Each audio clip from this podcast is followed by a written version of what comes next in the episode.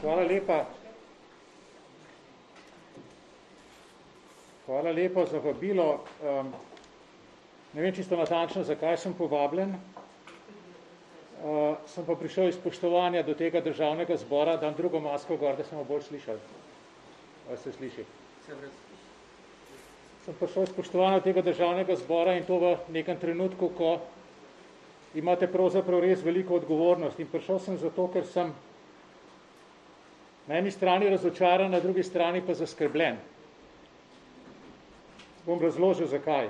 Ne? Ampak vi ste vendarle morali bi biti ne, tisto najboljše, kar ta narod ima, ki kažete zgled, ki dajete zgled vsem ostalim in ki skrbite za to, da ta država ostaja v polju neke demokratične normalnosti, da se da mirno, varno živeti, da se da delati, Verjetno si ne želimo, da bi se tukaj v Sloveniji dogajalo nekaj taza, kot se dogaja v ZDA, kjer zasedajo Antifa in podobni cele mestne četrti, da bi se dogajalo nekaj taza, kar se dogaja v ne vem, Nemčiji, Franciji, kjer gorijo hiše, kjer gorijo avtomobili.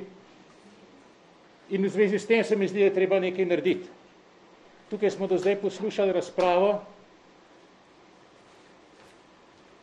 silno, rekel, pametne besede o tem, kako najti izgovore za to, da se nekaj sme. Tam po drugi strani podobno, da se nekaj ne sme. Jaz sem tukaj parafraziral zdaj Zdenko Cerar. Ne? In sicer, da ni vse, kar ni prav, ni vse, kar ni prav, tudi prepovedano. In ta element se mi zdi, da v tej vaši debati tukaj danes manjka. Ne? Povsem mogoče je, da je da ni prepovedano, da je dovoljeno ustavljati na cestah protestnike oziroma ljudi kar tako in jih legitimirati. Ampak ni pa prav. Morajo biti zelo dobri razlogi za to. Ni prav, da policija teži nedolžnim ljudem. Pa bo ena stran rekla, to so tisti ljudje iz Trdinove, druga stran bo rekla, to je pa minister Počivalša. Ne? Smrt janšizmu. Tukaj zdaj razpravljate o tem, ja se pa mogoče se to janšizem, pa ni, pa ni konkretna oseba, eh, pa svoboda govora in tako naprej. Možno. Ampak ni pa prav, da se to govori. Celo, bom rekel, so mišljeniki, podporniki levičarjev na državnih medijih, so zmogli besedo, pa so rekli, pa dejte reči, ustavite janšizem, na mesto uporabe besede smrt. In to bi pričakoval, da se parlamentarci cvet naroda, da se zaprav zauzamejo. Ne, da tukaj s pinceto gledate, kaj je mogoče legalno, pa kaj ni legalno, pa kaj bi mogoče šlo skozi, pa kaj ne bi šlo skozi. Ni prav. Ne?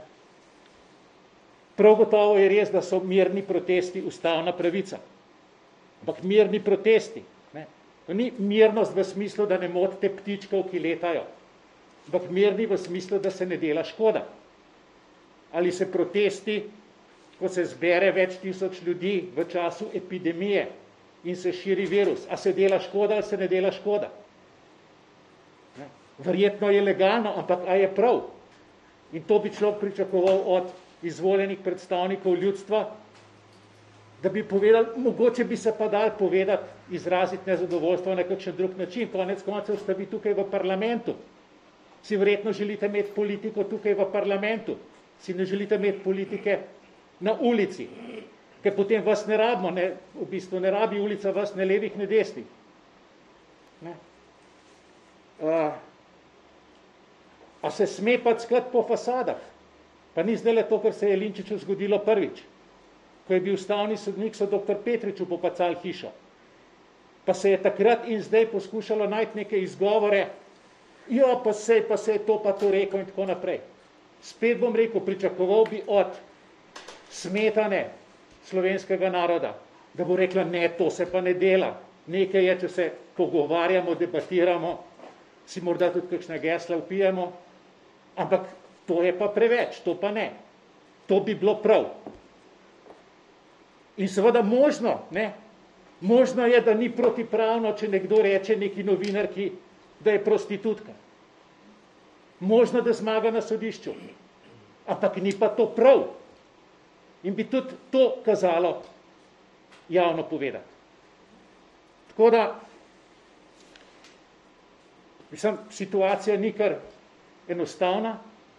Ne? Ljudje so iz različnih razlogov slabe volje in tisto, kar se mi zdi, da je naloga politike vseh vas tukaj v tej sobi, je, da poskrbite, da stvari ostanejo v polju rekel, mirnega, demokratičnega dialoga, kjer je mesto politike v parlamentu in kjer o stvareh ne odloča ulica. In prosim vas, dajte se svoje odgovornosti v zvezi s tem zavedati. Hvala.